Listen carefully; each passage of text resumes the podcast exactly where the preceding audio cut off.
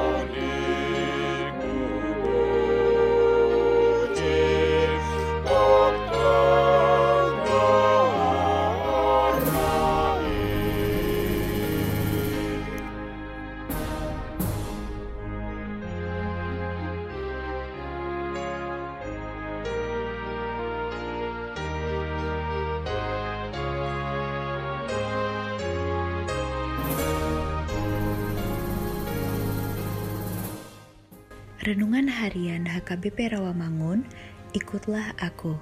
Sabtu, 19 Juni 2021 dengan judul Kasih dan Setia Tuhan untuk selamanya. Bacaan kita pagi ini tertulis dalam Ayub 37 ayat 1 sampai 13 dan bacaan kita malam ini tertulis dalam Lukas 21 ayat 25 sampai 28. Dan kebenaran firman yang menjadi ayat renungan kita hari ini ialah Mazmur 117 ayat 2 yang berbunyi sebab kasihnya hebat atas kita dan kesetiaan Tuhan untuk selama-lamanya. Haleluya. Demikian firman Tuhan. Dari 150 Mazmur yang ada dalam Alkitab, Mazmur 117 adalah Mazmur terpendek terdiri dua ayat yang berisi mazmur pujian kepada Tuhan.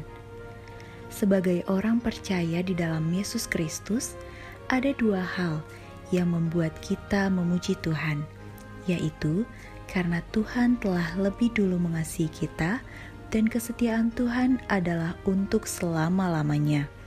Kasih dan kesetiaan Tuhan merupakan janji kekal Allah.